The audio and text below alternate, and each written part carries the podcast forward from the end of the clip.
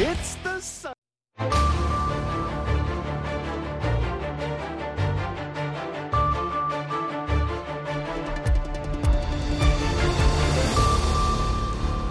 halkani waa washington laantaaf soomaaliga idaacadda v o a o aad si toosa uga dhagaysanaysaan mawjadaha gaagaaban ee lix iyo tobanka iyo sagaal iyo tobanka mitrban iyo bogga v o a somaly com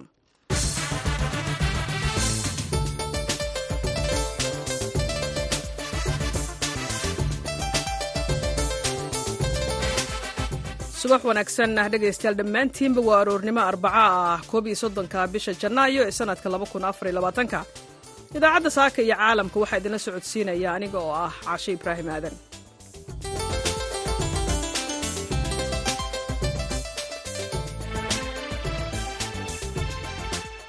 Qodobada aad ku maqli doontaan idaacadda saaka iyo caalamkana waxaa ka mid ah madaxweynaha puntland siciid cabdulaahi deni oo sheegay in madaxweyne xasan sheekh uu ka oggolaaday casuumaad uu fidiyey. Insha allah waxaan rabaa inaan uga mahad celiyo madaxweynaha aqbalada gogoshaas iyo madaxweynayaashii dowladaha xubnaha ka ah iyo madaxdii kale ee ka qayb gashay sida wanaagsan ay u soo wada dhoweeyeen. Waxaan u rajaynaynaa ilaahay idankiis marka uu madaxweynuhu xadido wakhtigeeda inay gogoshaasi garow ka dhacdo waxaa sidoo kale aad maqli doontaan xogayaha arrimaha dibadda ee britain david cameron oo sheegay in ay u badan tahay in britain ay aqoonsanayso u aqoonsanayso falastiin waddan madax bannaan. Waxaa sidoo kale aad dhegaysan doontaan maamulka toronto ee dalka kanada oo soo saaray sharci lagu xakamaynayo dadka shisheeyaha ah ee guryaha ka iibsanaya magaaladaasi. Qodobadaasi iyo warar kale ayaad ku maqli doontaan idaacadda saaka iyo caalamka. Marka horese waxaad ku soo dhowaataan warka caalamka oon idin akhriyo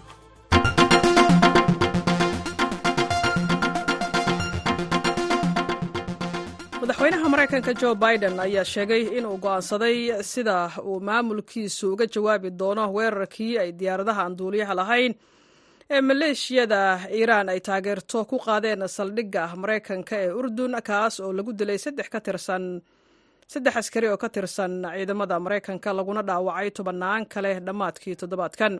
Weerarkii axaddii ayaa ahaa kii ugu horreeyey ee lagu dilo xubno ka tirsan ciidamada maraykanka ee ku sugan bariga dhexe tan iyo markii israa'iil ay dagaalka ay kula jirto xamaas uu ka qarxay magaalada khaza toddobadii bishii oktoobar. Dallad ay ku midaysan yihiin maleeshiyaad ay taageerto xukuumadda tehraan oo lagu magacaabo isbahaysiga islaamiga ee ciraaq ayaa sheegtay mas'uuliyadda weerarka lagu qaaday saldhigga ku dhow xadka ciraaq iyo suuriya. Wasaaradda gaashaandhigga maraykanka ee bentagonka ayaa sheegtay in weerarka uu leeyahay sida hadalka loo dhigay raadkii maleeshiyada ciraaq ay taageerto iiraan ee katiib al xisbullah kooxda iiraan ay taageerto ayaa in ka badan boqol iyo lixdan weerar ku qaaday xarumaha ciidamada maraykanka ee gobolka. Inkastoo weeraro argoosi ah ay xukuumadda washington ka fulisay gobolka.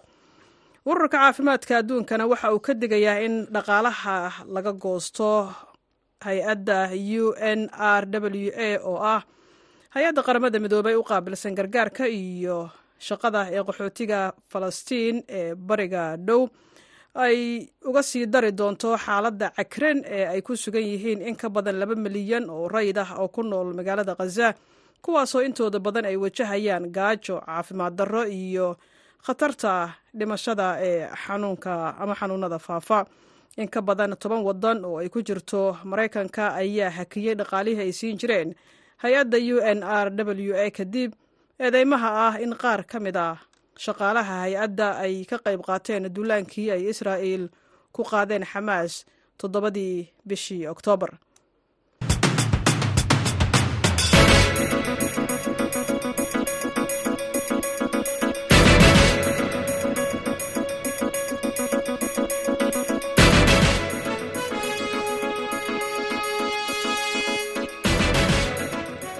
subax wanaagsan ayaan dhegaystayaal mar kale hawada idinka leenahay. Meel kastoo aad naga maqlaysaan madaxweynaha maamulka puntland siciid cabdulaahi deni ayaa sheegay in madaxweynaha soomaaliya xasan sheekh maxamuud uu ka oggolaaday gogol wadahadal oo puntland ay dhigtay kaas oo ka dhici doona magaalada garoowe. Warbixin arrintaasi ku saabsan waxaa magaalada garoowe ka soo diray wariyaha v o eda nuux muuse berjeeb madaxweyne siciid cabdulaahi deni ayaa xalay shaaciyey in puntland ay gudagalayso u diyaargarowga gogasha wadahadal ee arrimaha soomaaliya.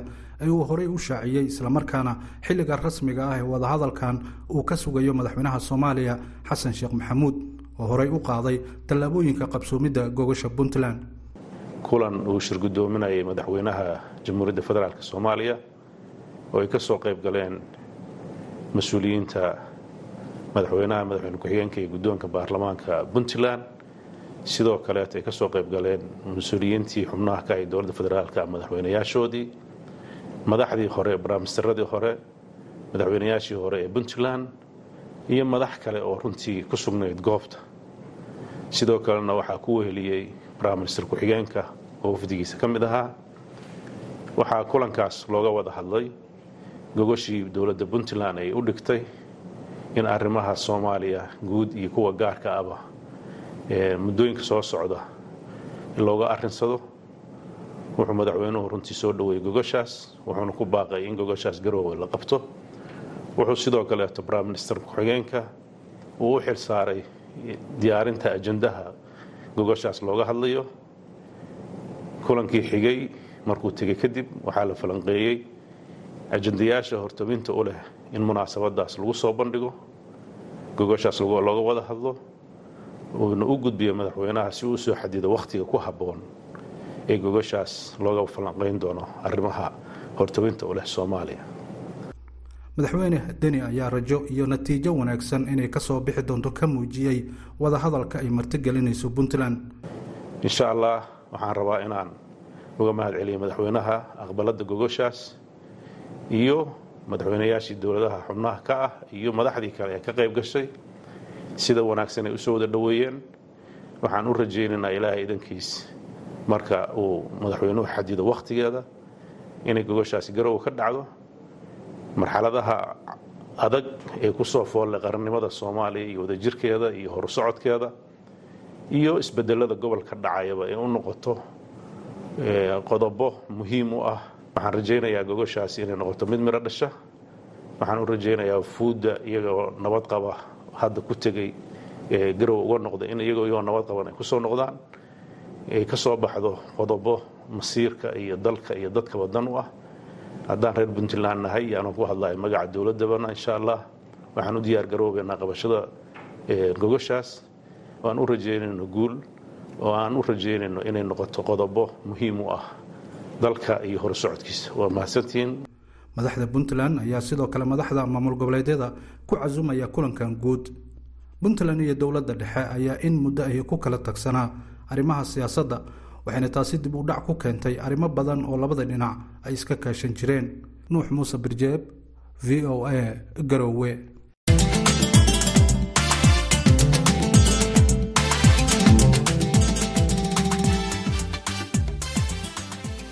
xoghayaha arrimaha dibadda ee dalka britain david cameron ayaa sheegay in ay u badan tahay in britain ay u aqoonsato ama u aqoonsanayso falastiin waddan madax bannaan. Cameron waxa uu soo jeediyey in loo baahan yahay in falastiin la siiyo dowladnimo si loo dhiirogeliyo xasilooni ka dhalato gobolka. Warbixin arrintaasi ku saabsan waxaa magaalada london nooga soo diray wariyaha v o eda qaaradda yurub cabdixaafid cawil ismaaciil xogayaha arrimaha dibadda britain david cameron oo safarkiisii afraad ku maraya bariga dhexe taniya intii xilkaasi loo magacaabay ayaa sheegay in britain mas'uuliyadda ka saaran tahay falastiin inay yeelato waddan madax bannaan oo la aqoonsado dadka falastiiniyiinta ahi ayuu yidhi waxay xaq u leeyihiin inay arkaan suurtagalnimada guul aan dib u noqon oo ah in la helo nidaamka labada dal waa israa'iil iyo falastiin. Inta hawshaasi socoto ayuu ku daray britain ahaan annaga oo la shaqaynayna saaxiibadayada oo ay qaramada midoobay ku jirto.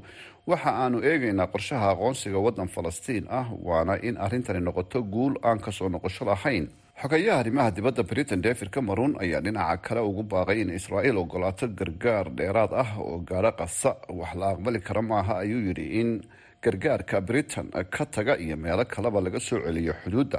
Soddonkii sannadood ee u dambeeyey guuldarro ayay u ahayd ayuu yidhi israa'iil oo ma ay ilaalin ammaanka dadkooda. Haddii la aqoonsado guuldarradaasi waxaa gobolka ka dhalan doonta nabadgelyo iyo xasilooni.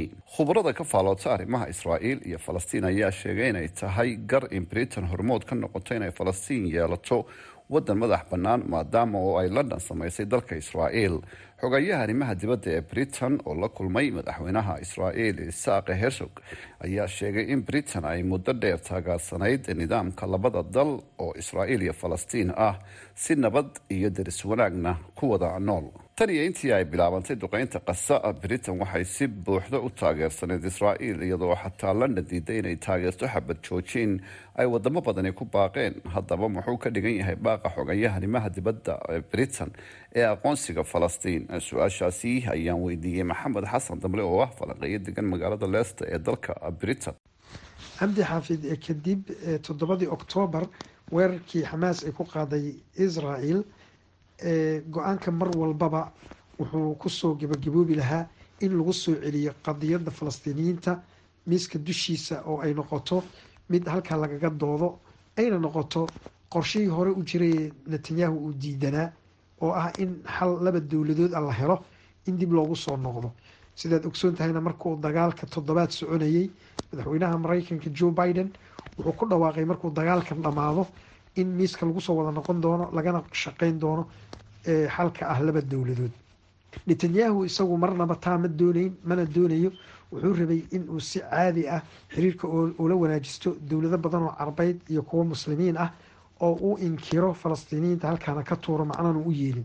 Hase yeeshee ee arrinkii weerarkii ay xamaas qaaday wuxuu keenay in arrinkaa lala fajaco waxayna noqotay in qadiyadii falastiiniyiinta mar labaad ay soo noqoto oo ay noqoto mid la inkiri waayey hadda marka dhawaaqan ka soo yeeray xogayaha arrimaha dibadda ee ingiriiska david cameron wuxuu imaanayaa xilli dagaal saddex bilood uu socday oo kala joog la'aan ah xamaasna aana mataqaanaay la baabi'in. Mucaarad fara badanna ay lagu noqday muxuu ahay biden oo gudihiis isagoo doorasho u socdo. Marka wuxuu u hiilinayaa in biden uu yani cadaadis fara badan la kulmin xoghaye david cameron waxaa kale oo uu sheegay in la helo qeyb ka mid ah heshiis muddadiisu dheer tahay israa'iil waa in ay aragtaa dhammaan lahaystayaasha oo la soo daayey ballan hirgasha inaanay xamaas awood u yeelan in ay weerarto israa'iil iyo in madaxda xamaas ka baxdo qasa haddaba suurtagal ma tahay in la helo ballan noocan oo kale ah waa kan mar kale maxamed xasan dable cabdi xaafid talooyinka uu soo bandhigayo xogayaha arrimaha dibadda ee ingiriiska david cameron uu ku doonayo in la helo nabad ama heshiis muddadiisu dheeraato ama ama ama ama ama heshiis waara. Iyo waxyaabaha uu shuruudda ooga dhigay baa isdiidaya marka ta koowaad madaxda xamaas in ay iskaga baxaan ghaza mid si sahlan ku imaaneyso ma aha. Sababtoo ah waxay ka doorteen in ay dagaalamaan ilaa ay guuleystaan ama guul horteed ay baaba-aan. Markaa unbaa ay ay yacni wixii markaa iyaga gadaashood tale laga gaaray marka taana way adag tahay awoodooda in la dhammaystiro oo la baabi'iyana iyadana sidii lagu xaqiijin karo way adag tahay sababtoo ah dagaalka aan kala joogsanayna israel ay ku soo qaaday cira dhul bad meel walba khaza kaga soo qaaday ilaa ay hadda guusha in xamaas la baabi'iyo uu xaqiijin la-yahay oo lama hayo. Tan kale maxaabiista ay leeyihiin israael waa inay arkaan uu leeyahay horey bay arrimahaasi u burbureen marka xamaasna waxay ku adkeysatay in aynan dib dambe maxaabiist u soo siidaan doonin iyada oo aan la helin xabad joojin kaamil ah oo dhammaystiran aan la helin. Tiina ma dhicin weli mana u eka mid dhacaysa arrinkaa. Marka arrimahaas o dhan markaad fiiriso way adag tahay talada uu soo jeedinayo xogeyaha arrimaha dibadda ee ingiriiska david cameron in ay meel marto xoghaye cameron waxa uu intaasi raaciyey in heshiis noocan ahi uu adag yahay laakiin suurtagal yahay. Xusaam somlot oo ah madaxa howlgallada falastiiniyiinta ee london ayaa sheegay in hadalka xoghaye cameron uu yahay mid taariikhi ah sababta oo ah ayuu yidhi britain ayaa markii ugu horeysay ka fakiraysa inay aqoonsato dowlad falastiin ah si ay gacan uga geysato xal nabadeed halka ay noqon lahayd natiijo dhinaca kale xubno ka mid ah xisbiga talada haye ee conservatifeka ee britain ayaa ka cadhooday khudbadda iyo hadallada xoghaye ee cameron cabdixaafid cawil ismaaciil v o a.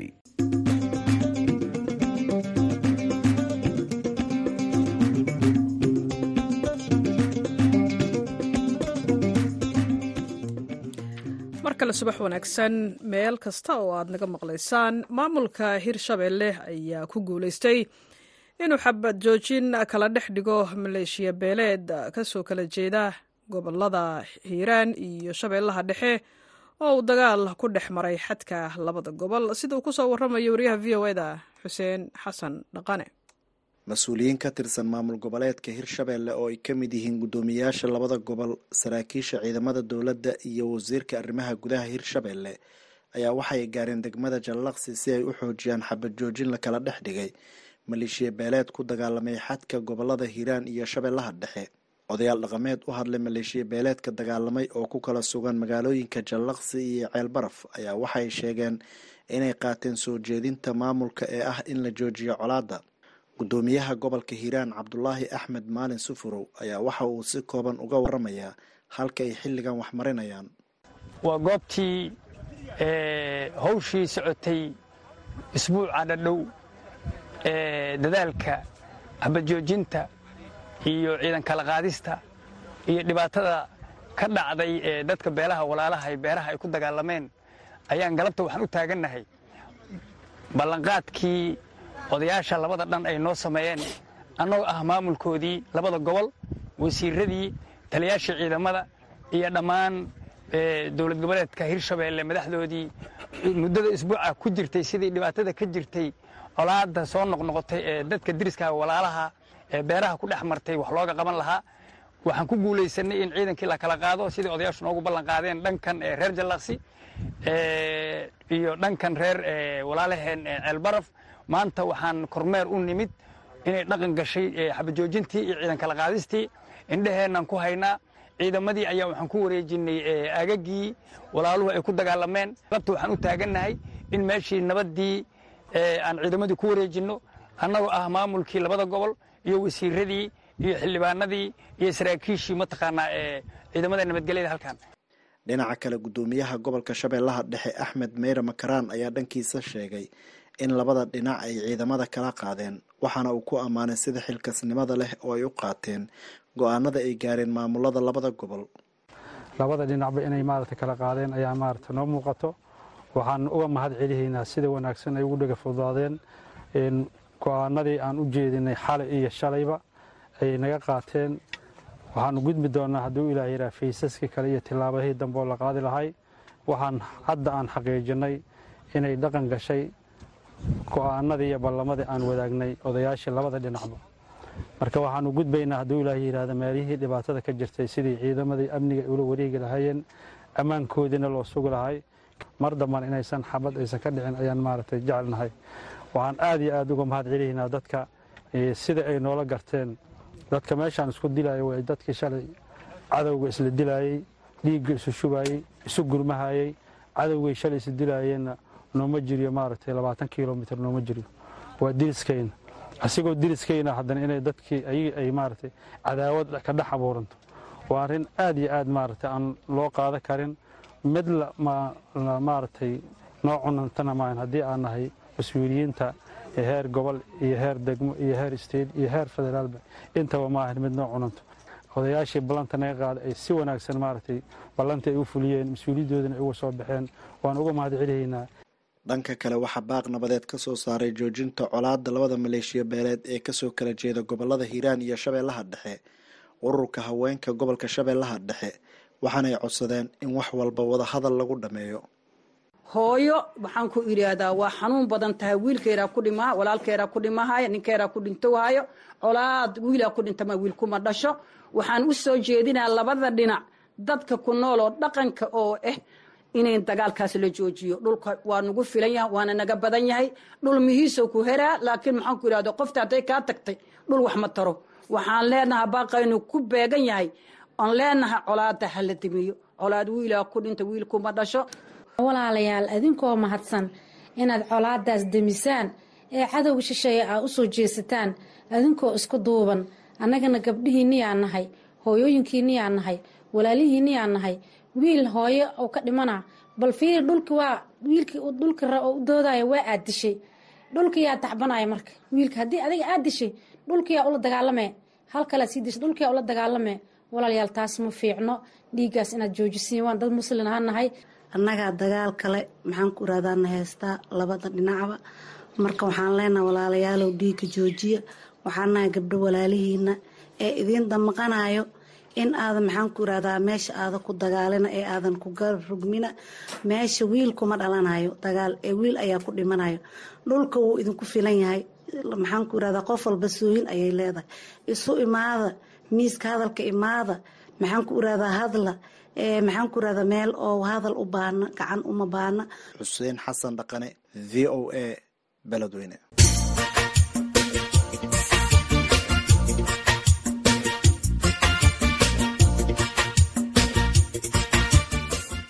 wararkan iyo warbixinadan waxa ay dhegeystayaal si toosa idinkaga imaanayaan. Laanta afka soomaaliga ee v o a magaalada washington maamulka magaalada toronto ee dalka kanada ayaa soo saaray sharci lagu xakameynayo dadka shisheeyaha ah ee guryaha ka iibsanaya magaaladaasi si wax looga qabto cabashada guryaha sii qaaliyoobaya ee magaalada toronto ka jirta. Warbixin arrintaasi ku saabsan waxaa magaalada toronto ka soo diray wariyaha v o eda xuseen nuur xaaji. Dhibaatada dhanka guryaha waa mid soo jiitamaysay afartii sano ee la soo dhaafay. Guud ahaan dadka ku nool magaaladan toronto gaar ahaan dadka uu dhaqaalahooda hooseeyo ayuu saameyn weyn ku yeeshay korarka qiimaha iyo kirada guryaha magaalada. Soomaalida ayaa ka mid a dadka ka cabanaya culayska dhanka guryaha. Waad mahadsan tahay xuseen xaaji haddii aan ka hadlo korokaca kiraynta guryaha magaalada halkii qol ayaa waxaa lagu yidhi laba kun iyo lix boqol oo dollar. Lagu daray korontada guriga biyahaaga iyo baarkinka. Runtii waa wax laga yaabo in lagu dhaho hal qol lacagta intaas la eg. Duqa magaaladan toronto olivia jow tan iyo markii la doortay bishii julaay ee sannadkii hore waxay ku celcelisay wax ka qabashada kirada iyo qiimaha guryaha oo u muuqda kuwa ku sii adkaanaya dadka degan magaalada. Dowladda hoose ee magaaladan toronto oo kaashanaysa tan gobolka iyo tan federaalka ayaa malaayiin dollar dhowaan u qorshaysay dhisidda guryo cusub si loo yareeyo baahida dhanka guryaha ee ka jirta magaalada. Olivia jow duqa magaaladan toronto ayaa talaadadii shalay ku dhawaaqday qorshe cusub oo ku saabsan in dadka ajaaniibta ah ee guryaha ka iibsanaya toronto laga qaado canshuur dhan toban boqolkiiba qiimaha uu guriga ku fadhiyo qorshahan ayaa hirgelaya bisha janawari ee sanadka dowladda federaalk ayaa sharci ay soo saartay sannadkii tegay ee ku mamnuucday in muddo laba sana ah aysan dadka ajaaniibta ah guryo ka iibsan karin kanada taasoo qayb ka ahayd dadaalada wax looga qabanayo dhibaatooyinka dadka ka haysta guryaha. Dad badan ayaa u arkaa in tan ay qayb ka tahay mid lagu yaraynayo dhibaatooyinkaasi dhanka guryaha. Waa kan farxaan cali jumcaale oo ka mid ah aqoon-yahanada soomaalida ee degan magaaladan toronto oo arrinkan iga warramay waxaa jirta dad badan oo ka yimaada dunida dacaladeeda haba u sii ka yimid hong kong iyo china inay magaalooyinka canada qaarkood ay guryo badan ka iibsadaan guryihiioo faaruqan ay ka tagaan mana jireeyaan. Arrintaas marka waxa ay tahay waa midda koowaade hortaa in ay dadka raba inay guryo iibsadaan aan lacagta lagu qiimeyn. Waa midda labaadee in guryo iska yaalla oo faaruq ah oo cidlo ah aan la xayirin guryaha inaan la xayirin oo isan faaruq ahaanin dad badan ayaa rumaysan in dhibaatada dhanka guryaha ay ka bilaabatay kadib markii dowladda gobolku ay meesha ka saartay sharciga xakameynta kirada guryaha kaasoo milkiilayaasha guryaha u ogolaanaya in ay qiimahay doonaan kireeyaan guryahooda. Sida aanu wada ognahay jaaliyaddeena soomaaliyeed ee reer toronto waxay u badan yihiin dakhliga soo gala aase qoys ahaan marka la isku daro uusan badnayn. Guryahana sida haddeer aad ogtahay dowladda ontario nin ka qabsaday sharcigii guryaha wuu kansalgareeyey oo lagu kontarooli jiray ilaalinta sicir bararka guryaha. Dhibaatadu marka waxay aad iyo aad u saamaysaa gaar ahaan qoysaska carruuraha badan. Dadka ka faallooda arrimaha guryeynta ayaa dhibaatada dhanka guryaha u arka. Xaalad qaran oo u baahan in dowladaha hoose tan gobollada iyo federaalkuba ay si wada jir ah wax uga qabtaan.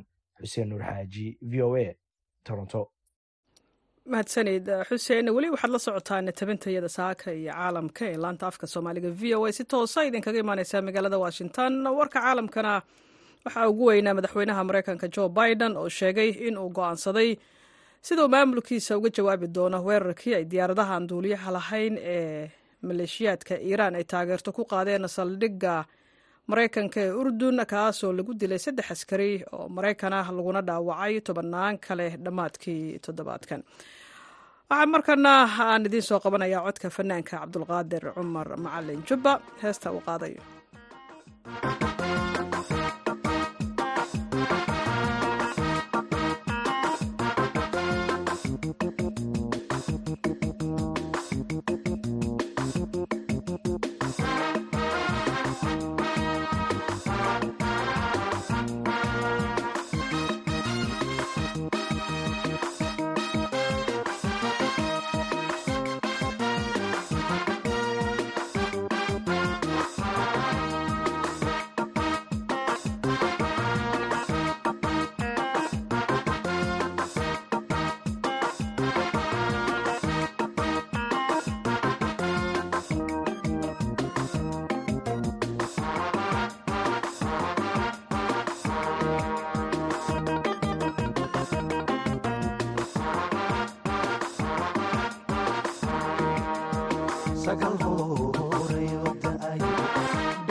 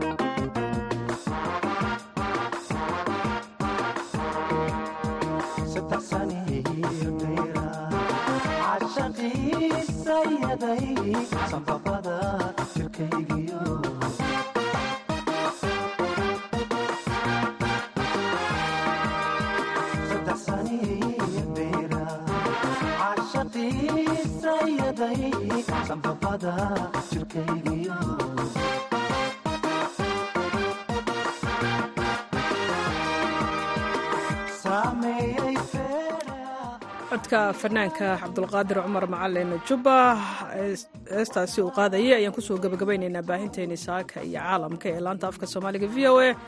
Dhinaca farsamada waxaa noo joogay ismaaciil xuseen maxamed farjar idaacaddan waxaa idinla socodsiinaysay. Caashe ibraahim aadan intaan mar kale hawada ku soo noqonayno haddii aan la idmo waxaan dhammaantiin idin leenahay nabadgelyo